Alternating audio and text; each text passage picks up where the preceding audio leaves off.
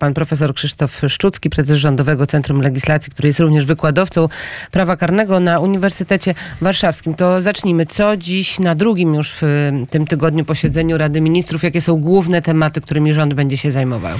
Dzisiaj budżet, projekt ustawy budżetowej i wszystkie decyzje, które z wniesieniem projektu budżetu do Sejmu się wiążą. Jest to oczywiście budżet pełen wyzwań, ważny, zakładający szereg działań o charakterze inwestycyjnym, chroniących obywateli przed skutkami inflacji. Tutaj przypominam o projekcie ustawy, to w, to w tym tygodniu drugie posiedzenie rządu. W poniedziałek Rada Ministrów przyjęła projekt chroniący Polaków przed wzrostem cen No właśnie, energii miałam się o to zapytać. Tarcza solidarnościowa, rządowy projekt, zamrożenie cen energii, dodatek elektryczny, upust dla gospodarstw domowych. Dużo tych, dużo tych zmian, dużo tych propozycji. Najważniejsze to jakie?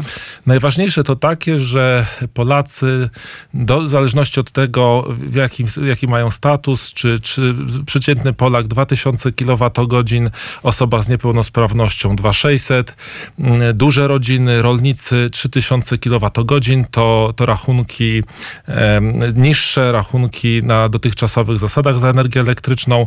Powyżej y, tych progów y, wejście w nowe taryfy, y, czyli chronimy Polaków na bardzo szeroką skalę. Można powiedzieć, że, że jest to program, jeżeli chodzi o, o zasięg, o, o nakłady, o, o, jego wartość no, na miarę programu 500. Najważniejsze jest to, żeby Polacy mogli spokojnie przetrwać ten okres zawirowań na rynkach energii. Od kiedy będą wojną. obowiązywały te zmiany związane z energetyką, właśnie z energią? Znaczy one w, ty, na, w tym parlamencie, na tym Sejmie będą dyskutowane i głosowane i oczywiście wszystko zależy od tego, kiedy zostaną uchwalone. A Mamy kiedy by chcieli Sejmie... Państwo tak, żeby one weszły w życie, bo sezon grzewczy już Jak tuż, najszybciej, tuż. jak najszybciej. Czyli Sejm, Senat, podpis pana prezydenta i błyskawiczne wejście w życie e, tych projektów. No, rozumiem, że to będą jakieś... e, Mm, komisje, nie wiem, kto będzie się zajmował tym, czy my przekroczyliśmy, czy my y, wydaliśmy tyle, jeżeli chodzi o energię. Jak to będzie Przedsiębior, przedsiębiorstwa, które dostarczają Mhm. nam energię, one,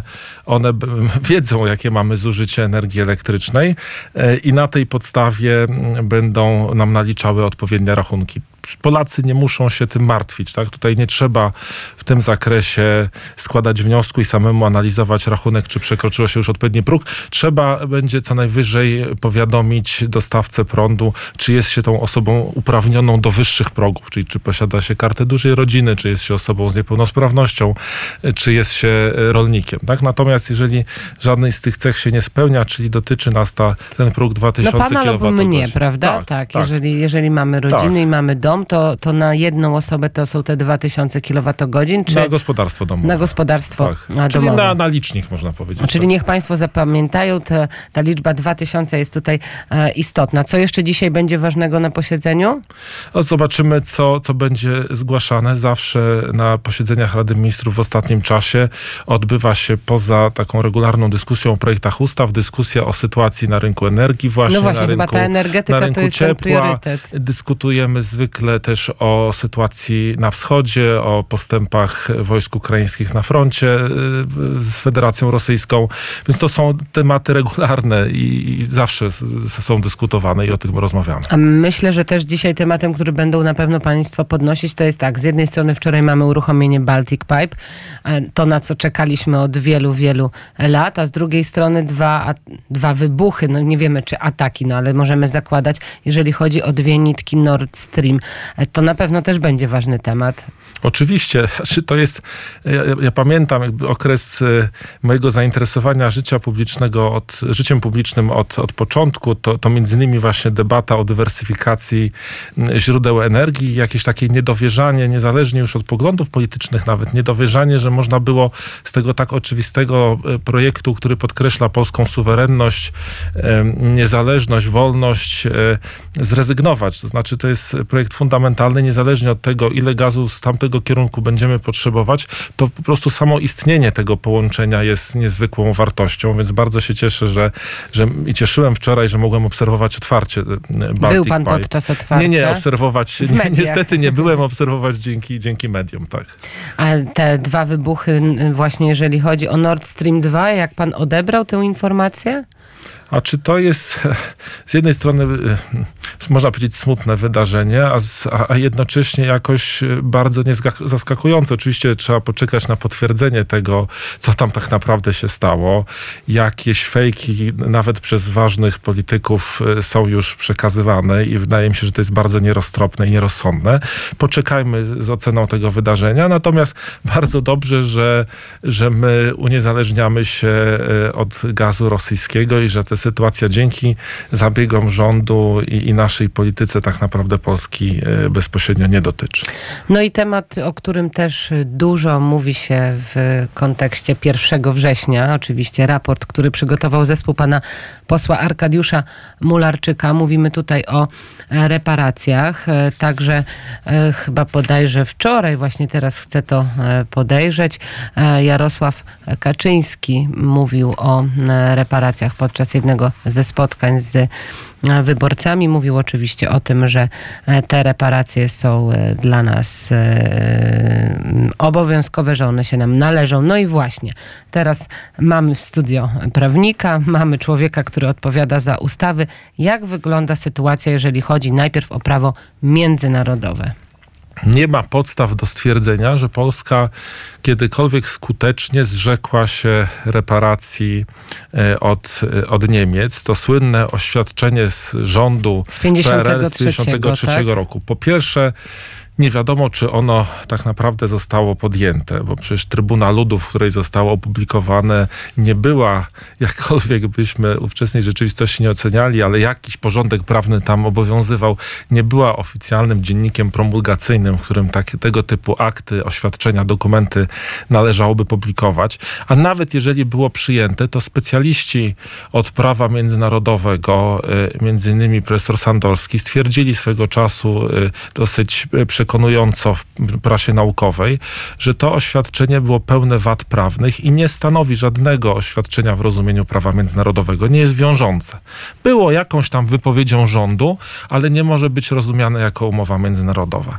I kolejne działania, zresztą nawet w PRL-u, Ale władz. później były lata 80. czy 70. i też były różnego rodzaju ustalenia. Później po roku 89 też były. I w kolejnych ustaleniach nie pojawia się zrzeczenie Polski. Tylko co się pojawia? No właśnie, ten temat jest, można powiedzieć, przemilczany. Tak? W 70 roku, kiedy chodzi, dochodzi do jakiejś normalizacji stosunków z RFN-em, rzeczywiście Republika Federalna chciała wpisać do traktatu zrzeczenie się przez Polskę reparacji i na to nawet ówczesne władze się nie godziły. Nie zgodziły. Nie ma tego postanowienia e, w umowie międzynarodowej. Traktat 2 plus 4 to też zresztą nie jest traktat, którego Polska była stroną. Z niego też nie można wywieźć zrzeczenia się przez Polskę reparacji. Znaczy jest to temat cały cały czas nierozstrzygnięty, temat, który domaga się załatwienia, temat, który jest jednym z priorytetowych na agendzie dyplomatycznej Polski. I oczywiście tutaj by nie należy postrzegać tego tak, że Polska teraz wystąpi z jakimś pozwem do tego lub innego międzynarodowego trybunału i w ciągu miesiąca, dwóch, trzech, nie wiem, dwóch lat y, otrzyma te pieniądze. Jest to długa, y, żmudna droga dyplomatyczna, ale droga konieczna, e, żeby raz na zawsze uporządkować nasze To relacje. właśnie, to my uporządkujemy uporządkujmy teraz, usystematyzujmy to, o czym teraz właśnie rozmawiamy. To co może być podstawą prawną? Bo pojawia się regulamin haski z 1907 roku, gdzie właśnie działania niemieckie mogły naruszyć prawo międzynarodowe. Czy to może być podstawa prawna? Akt y, wydany 115 lat temu?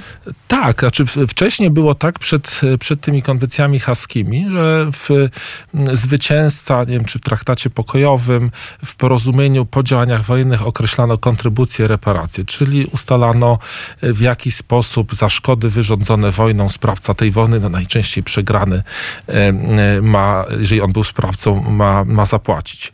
Po tych konwencjach haskich mm, ustalono w prawie międzynarodowym, że właśnie ten, kto prowadzi wojnę najeźdźczą, wojnę niezgodną z prawem międzynarodowym, ponosi odpowiedzialność za wszystkie konsekwencje tej wojny. Konsekwencje II wojny światowej były dramatyczne, były daleko idące i właśnie e, kontynuator prawny niejako III Rzeszy, czyli Republika Federalna Niemiec, bo tutaj mamy zapewnioną pewną ciągłość władzy państwowej i teraz mamy rząd Republiki Federalnej Niemiec, jest zobowiązany ponieść odpowiedzialność za, za ówczesne działania rządu III Rzeszy. I to, że y, dokument, y, umowa, konwencja haska jest z 1907 roku, to nic nie zmienia. Ona w prawie międzynarodowym obowiązuje, dopóki nie zostanie uchylona. Zresztą można powiedzieć, że ta zasada odpowiedzialności za wyrządzone szkody, szkody wyrządzone wojną, ma charakter normy powszechnie, bezwzględnie obowiązującej w prawie międzynarodowym. Em, możemy powiedzieć, że jest, y, mówimy o takich normach jus cogens, czyli obowiązują niezależnie od tekstu jakiejś umowy. One są elementem porządku międzynarodowego. To jest oczywiste, że jeżeli ktoś wyrządza drugiemu szkodę, nawet w prawie cywilnym krajowym, obowiązany jest do jej naprawienia. I nie ma żadnego powodu, żeby jakimkolwiek wyjątkiem obejmować państwo, które doprowadziło do tak dramatycznej w skutkach e, wojny. E, Ja się zastanawiam bardziej też e, nad tym, jak my w polskim prawodawstwie możemy jeszcze wpłynąć na, na te reparacje. Wiemy o tej uchwale z 2004 roku, kiedy premierem był Marek Belka w sprawie polskich reparacji, mm, jeżeli chodzi oczywiście o Niemcy. E, Od tamtej pory są podejmowane różnego rodzaju zabiegi dyplomatyczne, ale są to wszystko e, uchwały. Czy my ustawą możemy jakkolwiek wpłynąć na, e, na zachowanie Niemiec? Bo chyba nie, nasze prawo krajowe nie ma takiej mocy. Nie ma, to, to prawda, to znaczy możemy podejmować kolejne uchwały. Mamy właśnie uchwałę tą z 2004 roku, uchwałę teraz, Teraz z września, z tego tak. września. y, Niedawno Sejm przyjął uchwałę wzywającą rząd niemiecki do, do wypłacenia reparacji. Tak naprawdę drogą, y, która może nam pomóc osiągnąć ten rezultat, jest droga dyplomatyczna. Traktat o pojednaniu, który y, moglibyśmy y, zawrzeć, przygotować wspólnie z rządem niemieckim. Traktat, który raz na zawsze zamknie rozdział, jakim jest II wojna światowa i pozwoli nam budować przyjazne, bliskie relacje, bo takie bliskie, przyjazne relacje w stosunkach międzynarodowych, w ogóle w stosunkach międzyludzkich można budować tylko na prawdzie. To znaczy nie da się przysypać kurzem pewnych tematów, prawda? I myśleć, że one nigdy nie wrócą. E, Nawet e, już niemieccy politycy wypowiadają się w takim tonie, że moralne, etyczne prawo jest takie, żeby te pieniądze Polsce zwrócić. Ale załóżmy oczywiście, że tak się nie dzieje, nie ma tego porozumienia, nie ma odpowiedzialności ze strony Niemiec. Co wtedy? Czy międzynarodowe trybunały, jaka droga wtedy e, rządu polskiego czy strony polskiej powinna być, czy może być? A czy myślę, że tak naprawdę na razie powinniśmy poprzestać przy tej drodze dyplomatycznej e, i dążyć wieloletniej w rozmowach e, z rządem niemieckim do tego, że, żeby te reparacje były wypłacone. Prezes Kaczyński zresztą właśnie 1 września, kiedy raport był ogłaszany, mówił, że być może nawet teraz wydaje nam się to mało realne, ale czasami e, siły międzynarodowe, geopolityka, pewne wydarzenia układają się tak, że pewne tematy dzisiaj mm, wyglądające na trudne, za jakiś czas mogą okazać się oczywiste. Tak? Proszę zobaczyć, podam przykład. Przed wojną, przed 24 lutego nie wyobrażaliśmy sobie tak szybkiego zbliżenia Ukrainy i Unii Europejskiej. W tej chwili e, U- Ukraina ma status kandydata. E, Więc pewne wydarzenia, oczywiście no, najgorsze, najgorsza jest zawsze wojna i tego nikt z nas nie chce, ale pewien układ sił, pewne okoliczności mogą spowodować, że rząd niemiecki zmieni swoje nastawienie. Więc na razie działamy dyplomatycznie i, i tej drogi będziemy się trzymać. Ale ja jeszcze wrócę do tego, jak nie będzie tego dyplomatycznego porozumienia, to wtedy jaka droga i który trybunał byłby odpowiedni, adekwatny dla sprawy? W sprawach międzynarodowych w zasadzie poza drogą dyplomatyczną y, w tego typu tematach trudno poszukiwać innej drogi. Oczywiście mamy Międzynarodowy Trybunał Sprawiedliwości w Hadze, Europejski Trybunał Praw Człowieka, y, ale szczerze mówiąc tutaj y, nie wróżyłbym szybkiego, łatwego sukcesu, bo nie są, bo nie ma wprost takiej procedury, która by pozwalała przed tymi trybunałami rząd niemiecki pociągnąć do odpowiedzialności. Oczywiście można będzie próbować, jeżeli będzie taka potrzeba, ale to nie załatwiłoby też nam tego, co jest najważniejsze w tej sprawie, czyli właśnie dobrej podstawy do pojednania. A dobrą podstawę do pojednania osiągniemy, jeżeli dobrowolnie te reparacje zostaną przez rząd niemiecki wypłacone. Powiedział pan, że to jest już drugie posiedzenie Rady Ministrów w tym tygodniu. przepraszam, pierwsze miało miejsce w poniedziałek. Jakie były komentarze odnośnie wyborów we Włoszech? Mówi pan o tym, że zmiana polityki może nastąpić pod wpływem różnego rodzaju nacisków i e, zmian rządu w Europie. No właśnie, pytanie o George Meloni i o to, co stało się we Włoszech. Znaczy tutaj jest e, przede wszystkim duża radość i satysfakcja z tego, że Włosi mm, s- podjęli decyzję taką, jaką uważali za słuszną dla swojego państwa, że nie ulegli naciskom różnych sił, między innymi przewodnicząca Komisji Europejskiej przeczyta wypowiedź mm, o tym, że, że komisja będzie wyciągała sankcje. Przecież nawet nie wiedzą, jakie działania ten rząd włoski będzie e, podejmował. Była, była absurdalna i, i niedopuszczalna, że Włosi wybrali rząd taki, jaki uważają, że jest dla nich najlepszy.